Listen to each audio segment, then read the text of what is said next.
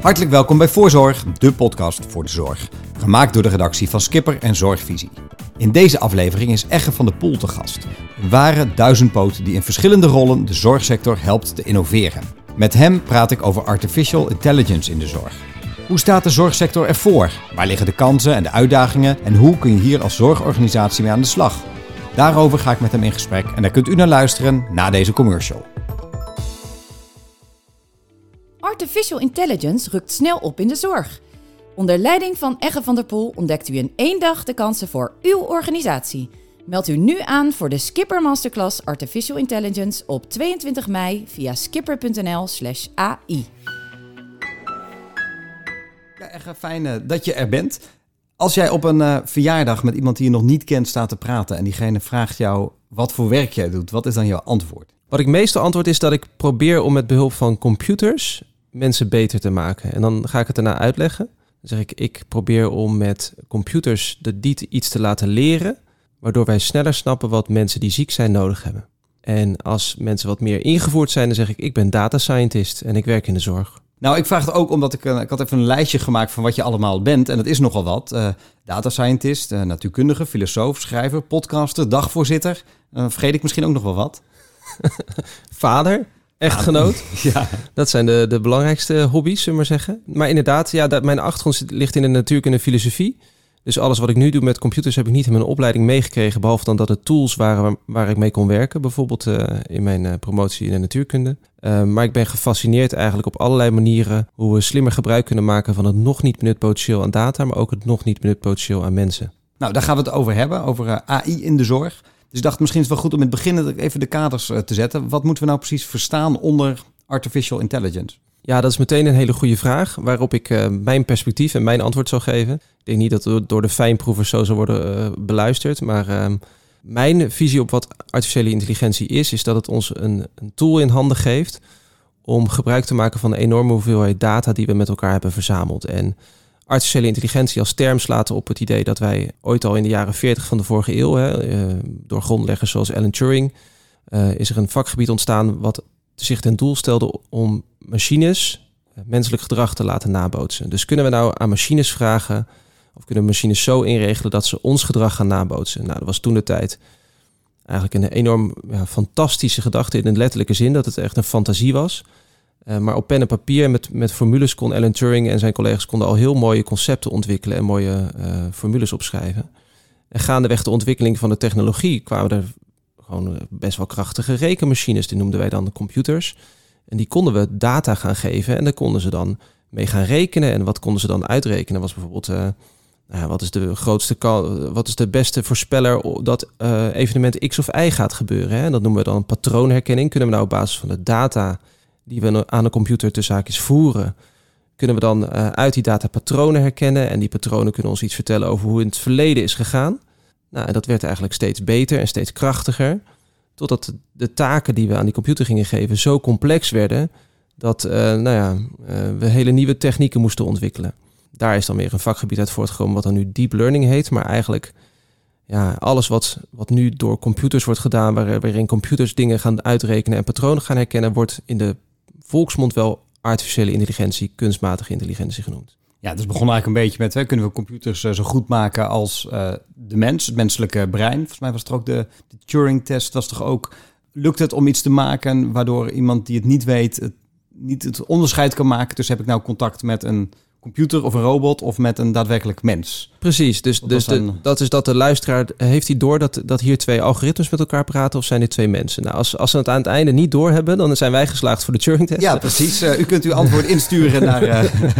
maar er is tot op heden nog geen enkel systeem geweest, ooit, dus uh, wat die Turing-test heeft doorstaan. We prikken er altijd doorheen, omdat wij als mens enorm intelligent zijn natuurlijk, hè, want dat vinden we van onszelf, maar ook heel creatief en associatief zijn. Hè? Dus wij kunnen van de hak op de tak springen, we maar zeggen, in de positieve zin. En de computer vindt dat lastig. Als wij van dat ene situatie in een andere situatie gaan denken, maar ook oplossingen gaan verplaatsen naar een andere context, dan zijn wij creatief genoeg om er dan ook nog iets van te maken. En dat is voor een computer nog steeds heel lastig. Dus daarom zijn er nog uh, geen, geen winnaars van de Turing-test. Geen, uh, niemand die er nog ooit doorheen is gekomen, geen enkel systeem. Maar het is wel een mooie stip op de horizon geweest, wat het vakgebied al decennia lang voortdrijft. Ja, want omgekeerd wat je al uh, schetst, de uh, computers en de modellen die kunnen ook al heel veel dingen die wij mensen niet kunnen doen. Bijvoorbeeld op basis van een enorme berg ingewikkelde data, patronen herkennen en uh, ja, daardoor heel accuraat uh, voorspellingen doen over de toekomst. Denk je dat dat ook voor zorgorganisaties de belangrijkste toepassing is? Nou ja, er zitten een aantal dingen in. Dus je noemt al heel veel dimensies. Hè? Dus, dus het zijn heel veel parameters, heel veel variabelen of heel veel kolommen als je even aan een Excel-sheet denkt. Uh, waarin je dan uh, nou, patronen kunt gaan herkennen. Dat, dat is iets waar, waar de computer inderdaad de mens verreweg voorbij streeft. Hè? Wij, wij vinden het uh, makkelijk om in twee dimensies, hè, x en een y, dus een horizontaal en verticaal, om daar, als we daar punten in zien, dan kunnen we daar een lijn of een parabool of iets doorheen denken. Maar als we het niet over twee dimensies, maar over 100 biljoen dimensies hebben, dan, dan haakt ons brein af. Maar de computer rekent het gewoon lekker, lekker uit. Dat kan gewoon. Dus daar zit iets in. Um, maar ook het voorspellen wat je noemt, hè, dat is natuurlijk ook een soort um, fase van een data-analyse. Je kunt zeggen, ik doe data-analyse om terug te kijken, om te snappen wat er in het verleden is gebeurd. Dat noem je dan vaak descriptief of diagnostisch. Maar wat jij aanstipt is predictief. Kunnen we ook gaan voorspellen wat er gebeurt. Uh, en dan misschien daarna ook nog een fase prescriptief. Dus we kunnen ook gaan uh, voorschrijven hoe we moeten handelen nu we die voorspelling kennen. Dus ik denk dat het, het doorgronden van al die dimensies is denk ik al iets wat zorginstellingen al heel erg gaat helpen. Maar dan meer in een descriptieve, diagnostische, dus terugkijkende manier. En de stap naar voorspelling is dan weer een andere uitdaging. Dan kunnen we ook patronen uit het verleden vertalen naar voorspellingen in de toekomst. Ja, dus als je die lijn, eh, zoals die geconstateerd wordt, doortrekt, waar, waar kom je dan op uit? Ja, en het, wat dat, en ik noem het even expliciet, dat verschil tussen terugkijken en vooruitkijken, omdat we in de zorg natuurlijk te maken hebben met um, ja, menselijk handelen. En menselijk handelen verandert over tijd. Dus als we iets hebben, als we een patroon hebben herkend in data van vijf jaar geleden, wil dat niet zeggen dat we daarmee nu nog zinnige uitspraken kunnen doen. Hetzelfde is dat als we een patroon hebben herkend in een zorginstelling uh, in een ander land of in een andere regio met een andere nou, werkmanier. Uh, ja, dan is het niet vanzelfsprekend dat we dat zomaar in deze context in ons ziekenhuis of in onze zorginstelling kunnen toepassen. Dus het, het toepassen van context vanuit uh, toepassen van kennis vanuit de ene context in een andere context, dat maakt het lastig. Dus ja, we kunnen heel veel parameters, heel veel variabelen analyseren met AI. Ja, we kunnen voorspellende dingen ermee gaan uh, uitrekenen. Maar of het daarmee ook de handelingsperspectief brengt, brengt in de praktijk, is wel een uitdaging. Ja, dan gaan verschillende zorgorganisaties die uitdaging ook al aan. En de ene die staat misschien nog helemaal in het vakje van start en de andere is al wat verder op weg. Als je dat zo bekijkt, de zorgsector in, in zijn geheel, hoe staan we ervoor? Nou, wat ik heel, ja, wat ik heel mooi vind is, uh, ik, ik doe dit nu ruim een decennium dat ik de wereld van de elementaire deeltjesfysica heb verlaten en nu in de zorg uh, werk. Daar werk ik nu ongeveer elf jaar in.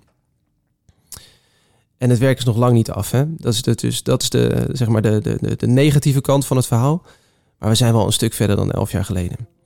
Um, dus dat vind ik mooi om te zien dat we heel veel stappen aan het zetten zijn. Zowel qua data beschikbaarheid en gegevensuitwisseling, waar ook nog allerlei dingen op stapel staan. Daar is al heel veel in gebeurd de afgelopen jaren. Maar we zijn ook echt algoritmes aan het ontwikkelen en aan het toepassen in de praktijk. Ja, heb je daar een paar, paar, voorbeelden van? Van wat gebeurt er op dit moment al? Nou, je vertelde zelf in ons voorgesprek dat uh, vorige week was de promotie van Lucas Fleuren hè, met uh, dus voorspellende algoritmes op de intensive care. Er zijn ook allerlei voorspellende algoritmes, bijvoorbeeld in de psychiatrische zorg van, uh, van, uh, van het UMC Utrecht is daar veel mee bezig, onder leiding van Floortje Schepers. Kans op heropnames uh, voorspellen ook op andere plekken, de kans op no-show in het Erasmus MC, nou allemaal van dat soort dingen. Daar, daar zie je heel veel ontwikkelingen en heel veel mooie voorbeelden. En net als met alle andere technologische innovatie in zorg, rijst de vraag dan van hoe schalen we dit op? Ja. En hoe gaan we dit nou sneller met elkaar vormgeven dat we ook echt samen ons leervermogen vergroten en versnellen. En dus ik ben heel positief dat er heel veel gebeurt. Uh, dat er ook heel veel randvoorwaarden beter, steeds beter worden gecreëerd. Maar ik vind wel dat we ons leervermogen nog beter kunnen inzetten en kunnen inregelen. Ja, want dan hebben we het over de koplopers. Mensen die al heel uh, voortvarend hiermee aan de slag zijn, het al toepassen. En die staan voor uh, nou ja, dingen als, uh, als opschalen en, en zo. Wat zijn daarbij nou de, grote moeilijkheden? Er zijn een aantal dingen. data beschikbaarheid is de, meest hardnekkige. Dus dat als jij data hebt gebruikt op de ene plek en je hebt daar je algoritme op ontwikkeld uh, en je hebt daar dus kennis uit gehaald en je wil dat vervolgens op de andere plek ook gaan doen, dan moet je daar ook weer die data beschikbaarheid gaan inregelen, want een algoritme is nooit af. Dus je past het toe, maar door die toepassing leer je ook weer en wil je ook weer doorleren. Ja, en die data zijn ook van essentieel belang, toch? Als je, als je de slechte data instopt, dan krijg je er ook slechte uitkomsten uit waar je eigenlijk niks mee kan. Of die je misschien zelfs de verkeerde kant op kunnen sturen. Ja, eigenlijk uh, befaamde quote garbage in, garbage out. Hè? Maar um, dat speelt zeker een rol. Uh, maar nog, nog fundamenteler is gewoon überhaupt of je toegang hebt tot data. Of dat goed geregeld is. Of je toestemming hebt om die data te gebruiken. Dus wat is de governance die je eromheen hebt geregeld. Maar ook toestemming van de patiënten, cliënten, uh, inwoners als het om het sociale domein gaat. Is dat goed geregeld? Nou, daar zijn we ook nog niet helemaal volwassen genoeg in, in onze gebruik van nou, bijvoorbeeld de interpretatie van de AVG, maar ook uh, de goede balans tussen privacy en data solidariteit. Um, dus daar zit een, een, een, uitdaging in. Maar als je dan vervolgens je algoritme hebt en je wilt gaan toepassen, ja, dan is toch ook nog wel het not invented here syndroom hardnekkig. Dat het zomaar aannemen van kennis van een ander is niet iets wat we normaal vinden, terwijl we toch meer moeten gaan, ja, gaan jatten van elkaar om echt sneller te leren met elkaar. Het proudly copied from. Het proudly copied from, wat natuurlijk mooi is geïntroduceerd een tijdje geleden. Dus ik zie in de, aan de ene kant dus data beschikbaarheid, aan de andere kant het, het, het echt aannemen en het ook, zeg maar, de, de creativiteit ook gebruiken in het vertalen van iets uit context A naar context B. Daar is toch heel veel werk te doen. Dus implementatie en creativiteit erin is ook nog wel een uitdaging. Ja, interessant. Nou, je noemde zelf uh, Lucas uh, Fleuren al, die nou ja, op het moment dat we dit opnemen vorige week uh, erop uh, gepromoveerd is op het gebruik van uh, AI op de intensive care. Hij vertelde ook dat hij ook vindt dat er vooral veel meer geïnvesteerd moet worden in hoe ga je uiteindelijk die uitkomsten presenteren aan de zorgprofessionals. Ja. Hij vertelde van ja, dan komt er een bepaald percentage uit, maar als dokter of als verpleegkundige moet je ook dat kunnen inschatten van wat betekent dat nou? Een enkeling heeft misschien een concept bij dat je het als een stoplicht presenteert of iets. Maar hij zei van daar moet echt veel meer aandacht voor komen van ja, je moet het ook snappen om het te kunnen toepassen. En je moet het uh, zo presenteren dat mensen er ook echt daadwerkelijk wat mee kunnen. Daar ben ik het helemaal mee eens. Het hangt samen dus denk ik met uh, uh, het not invented here syndroom. het versterkt dat namelijk. Als het ondoorzichtig is, als het niet te begrijpen is, dan neem je het ook niet aan. Dus als we dat gaan verbeteren, dat element, dan gaan we dat probleem ook aanpakken. Dus ik denk inderdaad dat we veel meer moeten nadenken over hoe nemen wij nou besluiten en veel meer moeten begrijpen hoe we dat doen. En het is niet voor niks dat uh, mensen die hierin voorop lopen ook daar al ruimschoots aandacht voor hebben. Ik heb ooit een keer een mooie presentatie gezien van Sir David Spiegelhalter, die zijn team van, uh, vanuit uh, het Winton Center for Risk and Evidence Communication liet zien. Tien mensen en maar één wiskundige, want hij zei ja, risk and evidence, dat is wel prima, maar het gaat om communication. Dus ik heb mensen nodig die snappen hoe nou ja, data, hè, data science, maar ook UX, user experience, hoe gebruiken mensen technologie. En van het team van tien mensen waren vier mensen psycholoog. Want hij zei, ja, het gaat om communicatie. Ja. Welke boodschap wil ik overbrengen? En wil ik uh, informeren of wil ik nudgen? Nou, dat is natuurlijk niet Even voor, voor mij, wat is nudgen? Nou, nudgen is dat je eigenlijk iets toont met als doel om iemand een bepaalde kant op te laten bewegen. Hoe klein ook. En informeren is veel neutraler. Ja. Um, en dat is een cruciaal verschil. In commerciële omgevingen doen ze dat nudgen heel knap. Door bijvoorbeeld de, de snickers bij de kassa te leggen en dergelijke. Maar in de gezondheidsomgevingen blijven we daarvan weg. En dan kun je ook de vraag, je vraagtekens bij stellen. Maar daar willen we vooral informeren. Uh, dus dat is een belangrijk verschil. Je moet goed begrijpen hoe nemen mensen besluiten. En dan is het presenteren van je resultaten dus ontzettend belangrijk. En dat neemt niet weg dat de, onder de motorkap best wel veel complexiteit kan zijn. Maar de manier van presenteren moet heel relaxed zijn. En heel ja, intuïtief zijn. We hebben in ons boek, uh, uh, wat we vorig jaar hebben geschreven, ook een voorbeeld van um, nou, de, de, hoe, hoe ziet een, een astronaut nou de binnenkant van een space shuttle? Nou, Apollo echt een miljoen knopjes ongeveer. Nou, en dan ga je zo door naar de, de Discovery en uiteindelijk nu naar uh, dingen zoals uh, nou, de, de, de companen van Elon Musk ontwerpen. Maar dat, dat is een en al touchscreen en super intuïtief en dat werkt allemaal prima. Terwijl de complexiteit van zo'n systeem is niet afgenomen. Ja. Maar de, het werkt veel fijner. Maar de complexiteit zit steeds meer uh, aan de achterkant en aan de voorkant zit iets waar je wat mee kunt en waar je makkelijk mee kunt werken. Dat Precies, het, dus dat is usable. Ja. User experience, UX is ontzettend belangrijk. Uh, nou is het natuurlijk wel zo dat uh, voordat je daarover na kunt denken, moet je natuurlijk eerst je, je basis op orde hebben. We noemden nu een aantal uh, voorlopers. Alle voorbeelden uit de ziekenhuizen. Dus dat is misschien ook wel veelzeggend. Er zullen ook nog tal van zorgorganisaties en misschien wel hele zorgsectoren zijn, die hier nog bijna geen stap in gemaakt kunnen hebben. Stel ja. nou dat je hier nou naar luistert als zorgbestuurder en je denkt van, goh, ik wil daar ook wat mee in mijn organisatie. Wat zou nou een logische eerste stap zijn? Hoe, hoe, hoe begin je zoiets? Ik geloof dus in het nog niet binnen het potentieel van data en het nog niet binnen het potentieel van mensen. Ik denk dat er heel veel organisaties die hier misschien nog op het oog niet zo uh, ver mee zijn, best wel veel competenties al aan huis hebben om hiermee aan de slag te gaan. Ik heb legio voorbeelden gezien van mensen die op hun werk zeg maar standaard rapportages in elkaar bouwen, uh, in elkaar zetten en uh, thuis eigenlijk in Python en R aan het knutselen zijn, maar dat gewoon niet voor hun werk inzetten. Um, dus er is heel veel nog niet met potentieel mensen. Dus ik zou daar ook vooral naar gaan kijken van zijn er mensen in mijn organisatie die hier affiniteit mee hebben of interesse in hebben. Maar dan is toch vooral ook de stap zetten om iets te gaan doen met dat nog niet benut potentieel. En alles wat je nu gaat doen met data en met leren, wat je daarvoor nog niet hebt gedaan, dat gaat je helpen om weer op weg te komen naar de toekomst waarin je, ja, wat sommige mensen dan data gedreven en ik dan soms data gedragen noem, om je organisatie nou, slimmer gebruik te laten maken van die data en van je mensen. Inventariseren van de mensen die je al in huis hebt, uh, wat, wat kunnen die misschien allemaal nog wat je, waar je helemaal geen weet van hebt? Of ja. waar, ligt hun interesse of hun passie? En misschien hebben ze het zelf ook nooit bij stilgestaan om dat voor hun werk uh, in te zetten. Ja. Maar wat zijn dan nuttige dingen om ze te laten doen? Het is iets wat je, nou ik wil niet zeggen parallel, maar je zult wel meerdere dingen tegelijk moeten gaan doen. Of in ieder geval tegelijk moeten in, gang moeten gaan zetten. Want ook als leiders in organisaties, ja, als je mensen vraagt van uh, wat vind je leuk en ga, ga maar iets doen dat brengt je wel inzichten, maar eigenlijk wil je het wel dat het bijdraagt aan de strategie van je organisatie en de visie van je organisatie. Dus het leren aanwakkeren zonder dat je weet welke richting je op wil, is niet zo handig. Dus het is ook belangrijk dat leiders in zorg en ook bestuurders in zorg een visie ontwikkelen op wat data, wat technologie voor ze kan betekenen. En dat moet verder gaan dan uh, we gaan het doen, want de buren doen het ook. Ja, of dan kunnen we ons lekker naar buiten toe uh, presenteren als ja. een innovatieve organisatie. Ja. Maar dan is het... Uh, ja. Window dressing. Ja, precies. Dus de, het, het moet echt een fundamentele herijking zijn, of kan een fundamentele herijking zijn van ja, je, je reden van bestaan als organisatie. En dat past denk ik ook wel heel mooi bij de uitdagingen waar we nu voor staan, de zorg breed.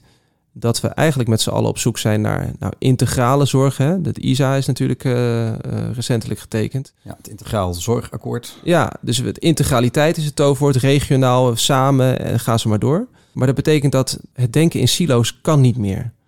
En laat dat nou toevallig een van de dingen zijn die vooral het gebruik van data tegenwerken. Dus het denken in silo's kan niet meer.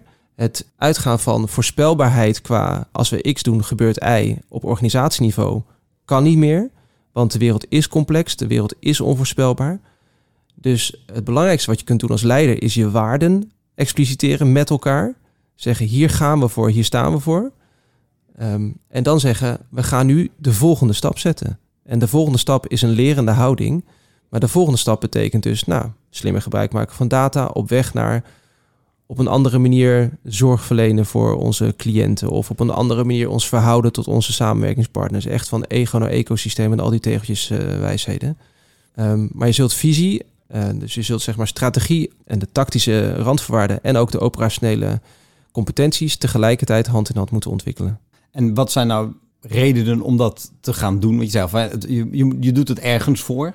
Uh, dat zal per organisatie, neem ik aan, een beetje verschillen. Maar wat zijn nou in jouw ogen de belangrijkste redenen om hier, ondanks dat je het al hartstikke druk hebt en uh, duizend uh, dossiers op je bureau hebt liggen, toch ook ruimte voor te maken? Ja, er is één hele dwingende die nu door iedere bestuurder en leidinggevende gevoeld wordt, is personeelstekort.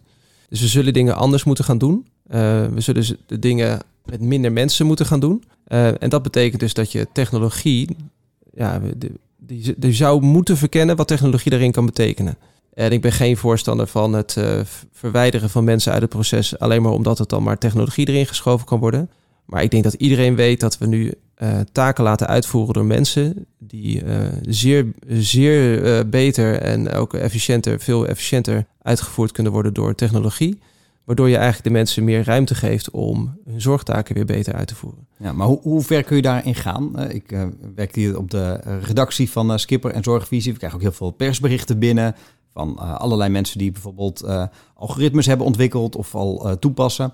Um, zeker ook binnen de radiologie. Het is toch een van de vakgebieden dat hier gewoon, enorm voorop loopt. Maar er staat altijd expliciet bij het is ondersteunend bedoeld. Ja. het is alleen maar een hulpmiddel. Uiteindelijk de professional die blijft het uh, beslissen. Ja. Is dat nog vol te houden? Uh, ja en nee. En dan denk ik dat we het verschil moeten maken tussen de datagedreven en de datagedragen context. Uh, dus dit wat je net schetst, dat zou ik datagedragen noemen. Dus het ondersteunt de professional. En in bepaalde contexten van zorg en van de gezondheid is dat extreem wenselijk. Dan wil je dat ook op die manier. Er zijn andere takken van zorg, maar ook processen binnen zorg die je volledig data gedragen moet gaan doen. Ja, want ik, ik zeg het ook. Ik had uh, onlangs een interview met uh, Bram van Ginneken van het Ja. uh, Radboud UMC. Hij overziet een aantal AI-labs dat daar opgezet wordt. En hij pleit heel erg voor, ja, we moeten het ook durven gebruiken. En als je het altijd maar, dan parafraseer ik hem natuurlijk eventjes, te voorzichtig bent en zegt van ja, het is alleen maar ter ondersteuning van de zorgprofessional, dan, dan ben je eigenlijk dubbel werk aan het doen. En dan levert je, je niet zo ontzettend veel op. Ja. Hij zegt ook van als het op een gegeven moment goed genoeg is, en natuurlijk moet je dat goed uh, checken en, en um, aan kunnen tonen en van tevoren goed inkaderen.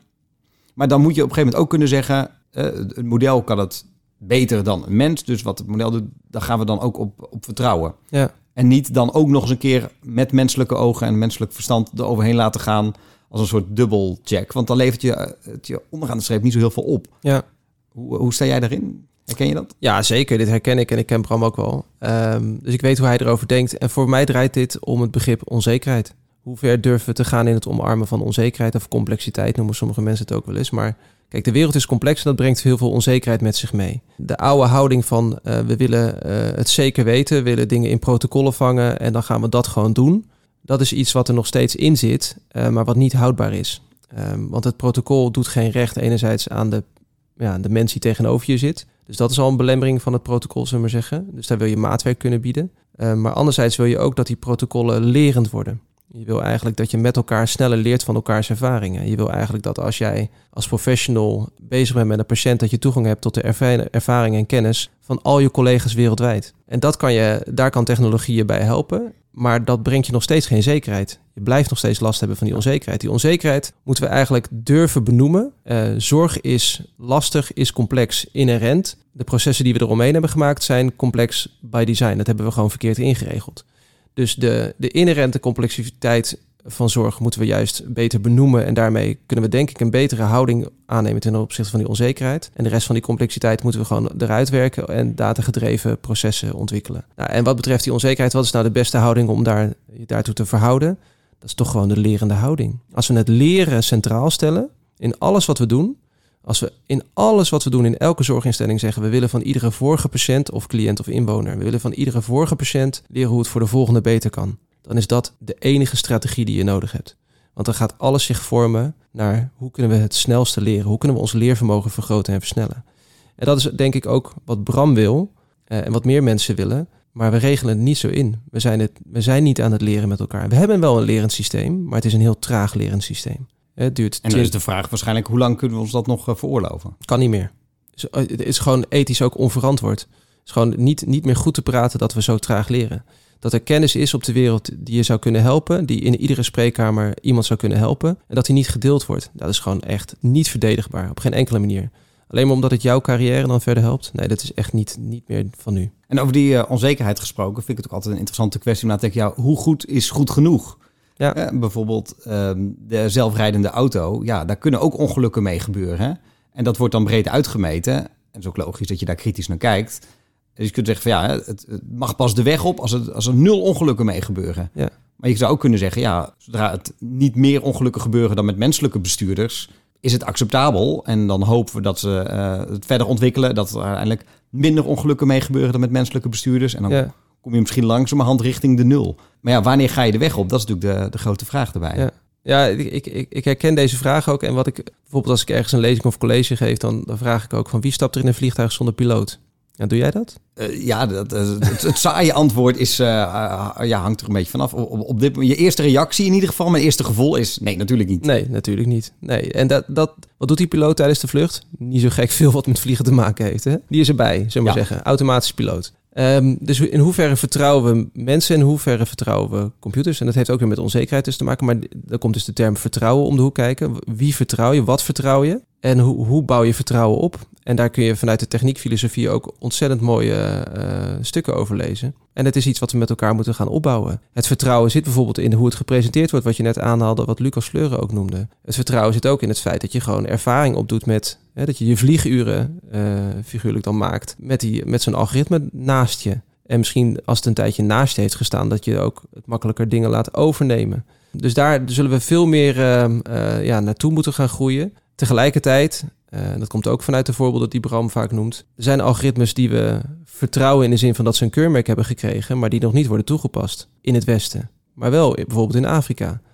Dus vertrouwen is ook een beetje een luxe argument. Hè? Want in Afrika kun je niet kiezen tussen de specialist en het algoritme. Daar heb je geen specialist. Ja, dan is het algoritme of niks. Ja. Even En eh, dus eigenlijk ja, begint die situatie zich nu hier, ook af te tekenen. We hebben straks gewoon de mensen niet meer. Maar dus moeten we ons ook zelf ook wel de eerlijke vraag stellen. Is het, is het echt vertrouwen of zijn er andere mechanismen of prikkels aan het werk die ervoor zorgen dat we ja, de mens nog niet wegstrepen en iets anders laten gaan doen, maar dat we vooral ja, die mensen gewoon lekker bezig willen houden. Ja, en, en wat voor mechanismes of prikkels eh, zit je dan aan te denken? Ja, we hebben eh, specialisten en, eh, en zorgverleners die gewoon een baan hebben nu. Hè? Die dus die gewoon een huis hebben en een, een sociale netwerk hebben. En dus gewoon geld verdienen met wat ze doen. En dat brengt natuurlijk veel, ook daar weer onzekerheid met zich mee. Van als je zegt, nou we willen eigenlijk een hoop van jouw taken uit handen nemen om jou vrij te spelen voor iets anders. Ja, dat betekent iets voor jou zelfbeeld, voor je exi- existentiële twijfels die je hebt, voor je, nou ja, ook wel ehm, houding ten opzichte van de wereld wat betreft innovatie. Als je zegt van, we gaan iets van je overnemen waar jij je identiteit aan ontleent, dat doet wat met je. Tegelijkertijd eh, is dat iets wat in veel sectoren eh, speelt. Dus eh, vader en zoon Suskind hebben een mooi boek geschreven, The Future of Professions, waarin ze laten zien dat het geldt voor de zorg, voor onderwijs, voor advocatuur, voor accountancy, voor van alles en nog wat. We zullen als mens, zoals Simon Sinek dat noemt, existentiële flexibiliteit moeten tonen, ook als organisatie. Welk, welke existentiële flexibiliteit heb je? Kun je ook echt de toekomst eh, vormgeven, onafhankelijk van je eigen positie erin? En dan maak je denk ik andere keuzes eh, wat betreft de inrichting van zorg. Maar ligt er ook niet het gevaar op de loer om iedereen die eh, hier kritisch tegenover staat, dan een beetje in een hoek te zetten van ja, je hebt gewoon moeite met, eh, met verandering en met ja, je werk anders inrichten. En zeker als het raakt aan je identiteit is dat ook lastig. Terwijl er zijn toch ook wel redenen aan te voeren dat we er niet blind op moeten varen. We Zeker. hebben ook, ook gezien dat er algoritmes zijn waarin eh, door de data eh, een zekere eh, bias in zit. Zeker, nee, dat, dat, dat is, het, het moeten ze zeker niet eh, allemaal in de hoek plaatsen met, met zo'n argument. Nee, maar ik denk wel dat we oog moeten hebben voor het feit dat die prikkels er zijn. Maar dat ze ook heel begrijpelijk zijn. Hè? Ieder- iedereen voelt dit als, als, iemand, als dit tegen je wordt gezegd. En je hebt helemaal gelijk dat er ook voorbeelden zijn van dat het maar heel fijn is dat er nog menselijk overzicht is, we maar zeggen, dat er een human in de loop is. Omdat eh, het algoritme is ook nooit af, zoals ik net zei. Dus, dus ja, je kunt altijd voor onverwachte wendingen of eh, uitwerkingen komen te staan. Vaak als ik, als ik dit soort discussies heb met, met groepen mensen, dan wordt hier ongeveer op dit punt in het gesprek wordt het toeslagenschandaal genoemd. Dus ik noem het nu maar even zelf. Zat ik Eh, ook al een beetje aan te denken. ja, dus dat, dat kun je natuurlijk beschouwen als een algoritme wat uit de bocht is gevlogen. En dat is het ook. Maar waar het volgens mij daar echt mis is gegaan, is qua cultuur. Want dat het algoritme uit de bocht vloog, dat werd wel opgemerkt. Dat werd ook gerapporteerd. Maar wat is er dan met die observatie gedaan? Ja, die is in een lade verdwenen door mensenwerk. Dus het is heel fijn dat er mensen zijn die overzicht hebben en, en toezicht houden op hoe het algoritme zich uit, eh, of eh, de uitwerking van het algoritme in de praktijk. Het gaat vooral om de cultuur en daar weer het leren. Staan we ervoor open om te leren van alles wat er gebeurt op dat moment? Dat betekent dus ook dat we oog moeten hebben voor de professional, inderdaad. En dat we die ook de ruimte moeten geven om te leren. Want om daar ook weer even een analogie te maken tussen de zorg en eh, de vliegwereld. Als er in, eh, eh, in de wereld van de, de, van de vliegtuigen iets misgaat of bijna misgaat, dan wordt daar goed van geleerd. Er wordt namelijk goed onderzoek gedaan bij elke ramp. Niet met een schuldvraag, maar met een leervraag. Nou, en dat zou toch een verademing zijn? Dat als er iets misgaat of iets bijna misgaat, dat je niet bang hoeft te zijn voor de tuchtrechter, maar dat je het allemaal ziet als een leerervaring. Dat het eigenlijk een soort toeval is dat het jou nu is overkomen. Want jij hebt met de beste intenties, met alle kennis van nu, die tot jouw beschikking was, iets gedaan. Ja, en dat kan goed gaan, dat kan fout gaan. Daar ook daar weer onzekerheid, vertrouwen en leren. Ja, maar zover zijn we toch nog niet. Hè? Zo zijn we nog lang niet. Analogie te blijven volgen. De, Nee. de ideeën om een, om een black box op de eh, operatiekamer eh, standaard te maken, die stranden toch al vooral op angst, inderdaad, wat je zegt, voor, eh, ja, voor schadeclaims en, en terugrechtzaken. Ja, dus we hebben het doen en het leren nog niet bij elkaar gebracht, zeg ik dan altijd maar. De, de, er is een enorme kloof tussen doen en het leren. We leren een, een, een decennium lang en dan gaan we het doen. En natuurlijk updaten we onze kennis met nascholing en verzin het maar. Maar het echt doen in het leren en het echt leren van het doen, die twee in elkaar laten verstrengelen, dat doen we niet. En ik denk dat data en technologie zoals AI daar wel bij zou kunnen helpen om die, uh, ja, dat huwelijk tussen die twee te versterken. Nou hebben we het vooral gehad over het uh, perspectief van de zorgorganisaties en de zorgprofessionals. Uh, die kunnen natuurlijk niet allemaal zelf doen. Die hebben ook te maken met ontwikkelaars eh, in eerste instantie, maar ook met zorgverzekeraars of zorgkantoren die dat allemaal moeten doen. Met eh, beleid vanuit de overheid, van Europees eh, niveau. Hoe zie jij dat, dat landschap? is dat goed genoeg op elkaar eh, ingespeeld op dit moment? Of zitten daar nog zulke grote kloven tussen dat ze elkaar niet goed genoeg weten te vinden en niet goed genoeg verstaan om dit goed op poten te zetten? Allebei waar. Was het een Eh, valse tegenstelling? Ja, het is een vals dilemma, maar maakt niet uit. Nee, weet ik, eh, nee, eh, het is echt een fascinerend... Ook hier geldt weer, als je het nu bekijkt, denk je... we zijn er nog lang niet, maar als je bekijkt waar we vandaan komen... dan zijn we echt wel aardig op weg. Dus wat je ziet is dat we nu op het gebied van de basale infrastructuur... zou ik maar, zal ik maar even zeggen... er komt er wetgeving aan zoals WGIS en de Europese variant de EHDS en dergelijke... en zijn we bezig met generieke functies. En dat klinkt allemaal vrij, eh, nou ja, niet zeggend... maar het is wel enorm belangrijk om straks gegevensuitwisseling... Hè, heel makkelijk te maken. Nou, daar begint het natuurlijk wel mee. Dus je gaat iedereen die ergens iets van data opslaat of verwerkt in zorg, die weet straks, dit is er nodig om het gewoon met iedereen anders te kunnen laten communiceren. Dat, dat zorgverleners ook bijvoorbeeld makkelijk inzichtelijk hebben waar staat data uit het verleden van mijn patiënt of cliënt. En eh, nou, als je dan de juiste toestemming, toestemming hebt, dan kan je er ook bij. Nou, als je dat gewoon de basisdingen goed regelt, dan heb ik er vertrouwen in dat ook nou, in ieder geval op een niveau van data het makkelijker gaat stromen. Dus dat informatie ook makkelijker gaat stromen. Of we daarmee dan ook kennis genereren, is natuurlijk wel een vraag. En dat draait meer om prikkels en dergelijke, waar we het ook een kort over hebben gehad vanuit het individu. Maar dat speelt natuurlijk ook op organisatieniveau en op, nou ja, is, eh, ben je publiek-privaat goed in de balans, zullen we maar zeggen. Gaan we niet te veel eh, kijken naar commerciële partijen om waarde te halen uit publieke data. Daar maak ik me wel zorgen om.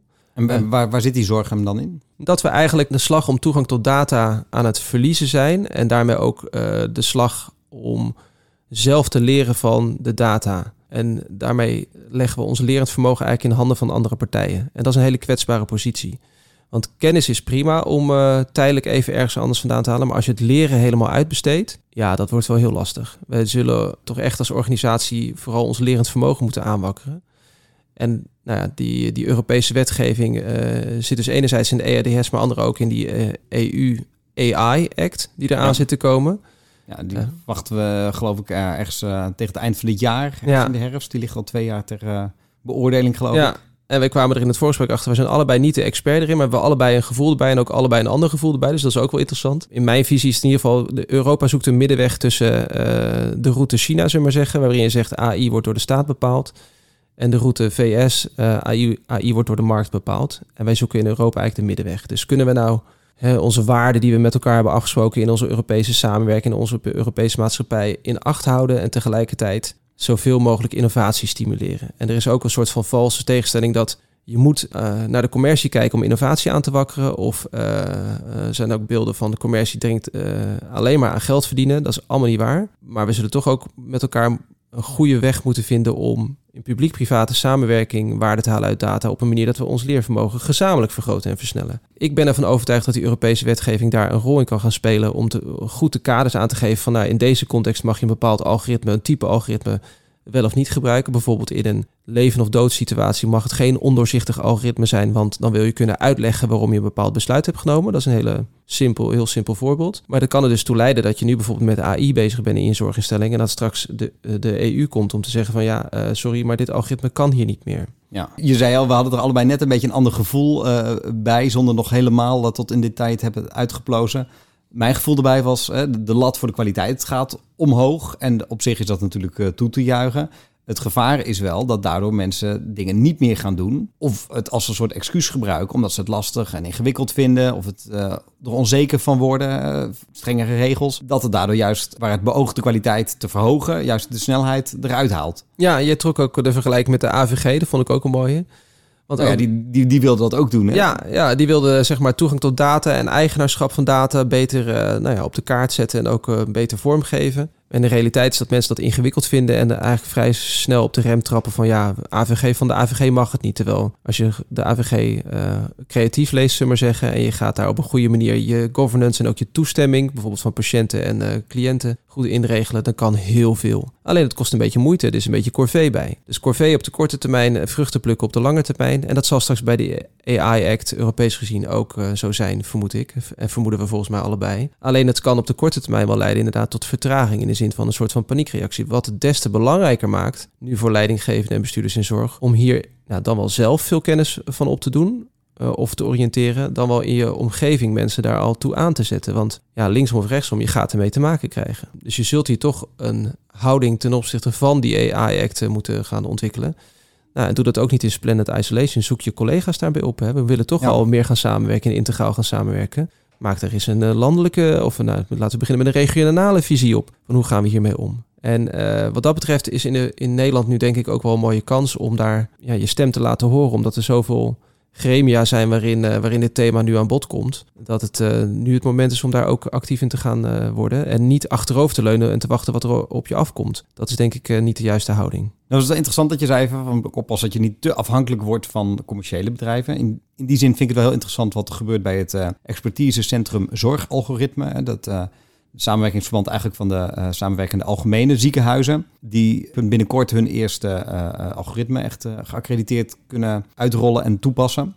Bart-Jan Verhoef is een van de drijvende krachten daarachter. En volgens mij is zijn insteek ook heel erg van laten we zoveel mogelijk zelf doen wat we zelf kunnen doen en zelf in de, in de lead en in controle blijven. Zie je dat als een haalbare kaart? Als in, kunnen we ook zonder de grote commerciële bedrijven een heel eind komen en daardoor zelf eh, baas in eigen algoritme blijven? Bart-Jan bewijst het. Hè. Bart-Jan is natuurlijk een geweldenaar, een, een, een medisch specialist die ook kan programmeren.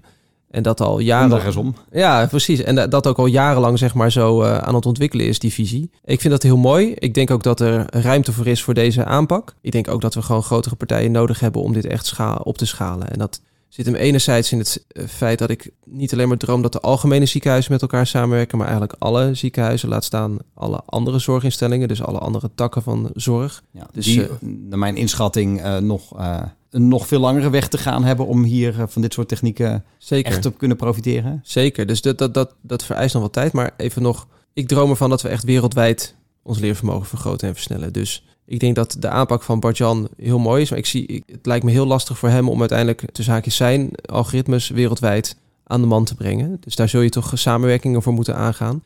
Wat ook weer het alleen maar beter maakt. Want nogmaals, van de ene context vertalen naar de andere is lastig. Maar je aanpak, je manier van ontwikkelen, je manier van denken... eh, in het proces tot het komen tot een algoritme... dat is iets wat je heel mooi kunt opschalen. En inderdaad, dingen zoals eh, langdurige zorg, eh, huisartsenzorg en dergelijke... ja, dat is natuurlijk per definitie al meer gefragmenteerd... nog meer gefragmenteerd dan ziekenhuiszorg. Dus daar zullen de krachten ook gebundeld moeten gaan worden... om hier de vruchten van te gaan plukken. Maar ik zie daar wel hoopgevende signalen. Ik zie daar organisaties en samenwerkingen die de vraag al stellen. Dat is al één.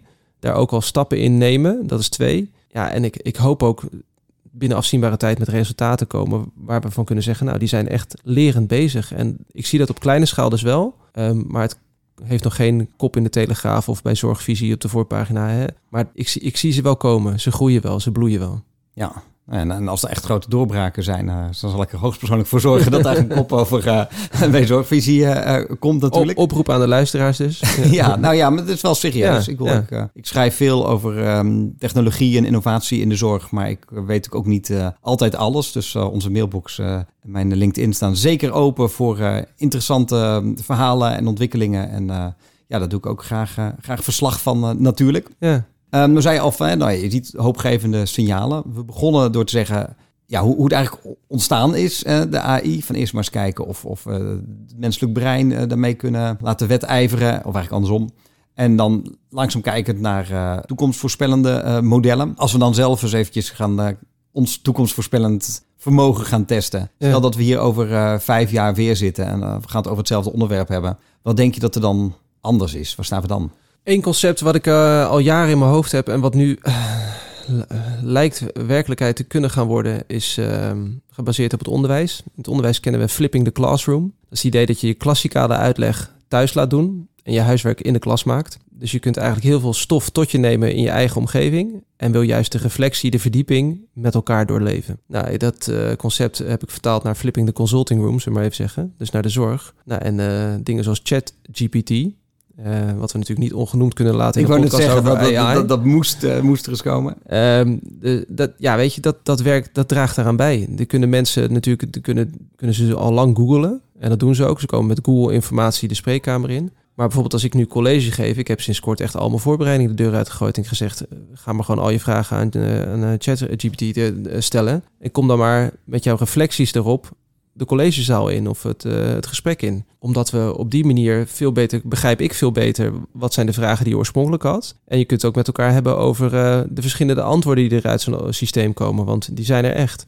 Ja, want even voor de, voor de duidelijkheid. Ik kan me bijna niet voorstellen dat mensen het gemist hebben. Want er is zoveel om te doen geweest de afgelopen tijd. Maar ChatGPT, dus eigenlijk de, de chatbot die uh, gelanceerd is.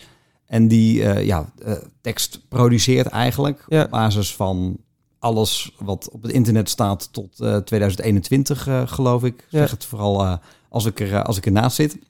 Ja. daarmee absoluut niet onfeilbaar is, maar wel hele overtuigende, ook Nederlandstalige teksten weet te, te produceren. Ja. Denk je dat dat, en een beetje de hele hype eromheen, dat dat, dat ook de interesse in AI weer aanwakkert en ook mensen die er misschien niet zoveel mee hadden, toch laten inzien van, hé, hey, daar kun je je voordeel mee doen. Daar, daar zitten dingen in waar we wat mee kunnen. Het heeft absoluut uh, de, voor veel mensen de ogen geopend voor wat er nu al kan. Er is nog nooit een technologie zo snel geadopteerd zoals uh, ChatGPT. Dus heel veel mensen gebruiken het. En daar, daar leren we heel veel van. En waarom ik het zo interessant vind, is omdat het, de, nou ja, het, het gaat zich verder ontwikkelen. Het gaat gecombineerd worden met zoekmachines, waardoor je ook een bepaalde filtering van desinformatie en ook een ranking van informatie kunt krijgen en ga zo maar door. Dus nu krijg je alleen maar informatie en kun je niet inschatten van is dit waardevol? Nou, waarom krijg je bij Google nou de ene hoger dan de andere als het niet betaald is, maar zeggen? Dan het komt omdat het op meerdere plekken voorkomt. Als informatie op meerdere plekken verschijnt, dan uh, vindt Google het, algoritme van Google het waarachtiger, dus dan komt het hoger in de search resultaten. Nou, als je ChatGPT dus een, een, een algoritme wat heel goed tekst kan produceren, koppelt aan iets wat uh, een ranking van informatie kan bieden, dan in potentie is dat een manier om snel kennis tot je te nemen en ook waardevolle kennis tot je te nemen andere kant van de medaille is natuurlijk dat je ook heel snel desinformatie kunt verspreiden. En, ja, en, en, en dat dit dan weer een voorbeeld is van een, uh, een, een, computerprogramma dat niet goed kan rekenen. Ja, nee, dat klopt. Dat is dan weer interessant. Dit is al gemaakt om, om taal en tekst uh, ja. te produceren. Ja. En uh, we zijn, tenminste, ik ben zelf snel geneigd om te denken: een computer kan beter rekenen dan ik. Ook al omdat ik niet zo goed kan rekenen. Ja. als je het in een Excel-sheet op de goede manier erin stopt, komt het op de goede manier er ook uit. Ja. Maar dit is dan eigenlijk weer een heel andere tak van sport. Ja. Namelijk een, ja, een, een tekstgenerator en niet Ja. een, een uit zijn krachtig gegroeide rekenmachine. Nee, dus er zijn eh, computers kunnen verschillende dingen en al naar gelang de taak die je ze laat trainen, worden ze daar heel goed in. Dus de meeste 100 meter sprinters kunnen ook geen marathon lopen. Nou, zo moet je het een beetje zien. Dus dit is heel knap, hele, hele beperkte, nou, ik denk een groot toepassingsgebied, maar beperkte skillsets, zullen we maar zeggen. Maar wat zich door gaat evalueren en wat zich ook gaat ja, connecten met andere toepassingsgebieden of andere technologieën in andere toepassingsgebieden. En waarom het mij denk ik helpt, hè, want je vroeg waar staan we dan straks? Nou, flipping the consulting room is dus mijn idee dat je relevante informatie op ieder moment at je fingertips hebt. Hè? Dus de juiste informatie op het juiste moment voor de juiste persoon via het juiste kanaal. Ja. Dat is mijn ideaal van, of mijn soort toekomstvisioen voor wat we met uh, zorg en gezondheid kunnen gaan bereiken als we technologieën zoals AI gaan toepassen. Dat biedt namelijk de kans voor alle patiënten, cliënten en inwoners om relevante gezondheidsinformatie te vinden op het moment dat het voor hen relevant is. Maar ook voor zorgverleners om voor hen relevante informatie, zoals de ervaringen van collega's, at hun fingertips te hebben. En dat is natuurlijk de sleutel tot het vergroten en versnellen van je leervermogen. Dus Ja. Maar nou zei ik over vijf jaar. ja, over vijf Zie je jaar. dat dan al concreet eh, terug? Over vijf jaar. Nou, over vijf jaar zijn we, zijn we zeker hierin eh, al grote stappen aan het zetten. Ehm, en ik hoop dus dat we over vijf jaar, nou, de, de databeschikbaarheid wordt door, door VWS volgens mij ongeveer ook op zo'n horizon geplaatst. Maar ik zou eigenlijk wel een nieuwe manier van leren willen hebben aangezwengeld met elkaar. Dat we echt van iedere vorige patiënt leren hoe het voor de volgende beter kan. En of dat nou al meteen eh, tot enorm grote veranderingen leidt in de praktijk, dat hoeft niet. Maar als we het feedbackmechanisme zo hebben ingeregeld dat we aan het leren zijn, dat kan echt over vijf jaar. En als er nou eh, mensen aan het luisteren zijn eh, die eh, op wat voor manier dan ook in de zorgsector werken en denken van nou ja, klinkt goed, daar moet ik bij zijn. Maar ik sta ook nog een beetje met koudwatervrees aan de kant. Wat zou je hen mee willen geven? Nou, wacht niet tot het uh, op, je, op je afkomt. Hè. Dus uh, word vooral wat ze dan noemen een digital shaper. Dus ga je jezelf erin verdiepen. Dat kan op allerlei manieren. Hè. Je kunt uh, online natuurlijk heel veel informatie vinden. Nou, de, de, bladen die jullie publiceren zijn natuurlijk ook regelmatig komt dit thema aan bod. Ik ben of zelf natuurlijk jouw boek of jouw podcast, Ja. Meesters. Ja, Laat, ja. ik- dan toch ook de titel maar even noemen. Ja, we hebben het niet zo vaak over, te- nou heel soms over technologie, maar meer over het holistisch en integraal benaderen en wat mensen drijft en fascineert. Maar ook van harte aanbevolen, dankjewel voor deze eh, reclameboodschap tussendoor. Ja, iets anders waar ik zelf ook gepassioneerd over ben, is gewoon ontmoetingen faciliteren. Dus ik geef zelf veel colleges. Ik begeleid een aantal masterclasses, onder andere een masterclass over artificiële intelligentie in zorg. Hè. Dat is een eendaagse. Ja, dat vind ik ook mooie momenten om met elkaar in gesprek te gaan over, uh, nou ja, bijvoorbeeld een leverancier. Uh, dus iemand die software ontwikkelt. Waar loopt die tegenaan? Een ontvangende partij, dus een zorginstelling. Met welke vragen lopen jij rond? Uh, een, een, ja, een ethicus, maar zeggen, van als je nou even uitzoomt, wat voor ontwikkelingen zie je dan en waar maak je dan nou, zorgen om is negatief, maar waar zie je kansen om het te verbeteren? Nou, dat soort gesprekken faciliteren vind ik leuk. Dus dat doe ik zelf op allerlei manieren. Dus probeer ook voor jezelf dat soort momenten op te zoeken. Ga hier tijd voor vrijmaken, want dit is een essentieel onderdeel van je toekomst. Nou, dat lijkt me een hele mooie, mooie laatste boodschap eh, om mee te geven. Heel erg bedankt voor je komst.